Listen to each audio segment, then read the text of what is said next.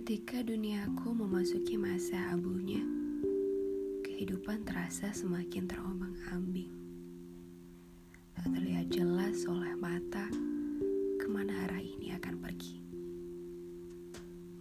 Semu dan samar, seperti halnya dirimu.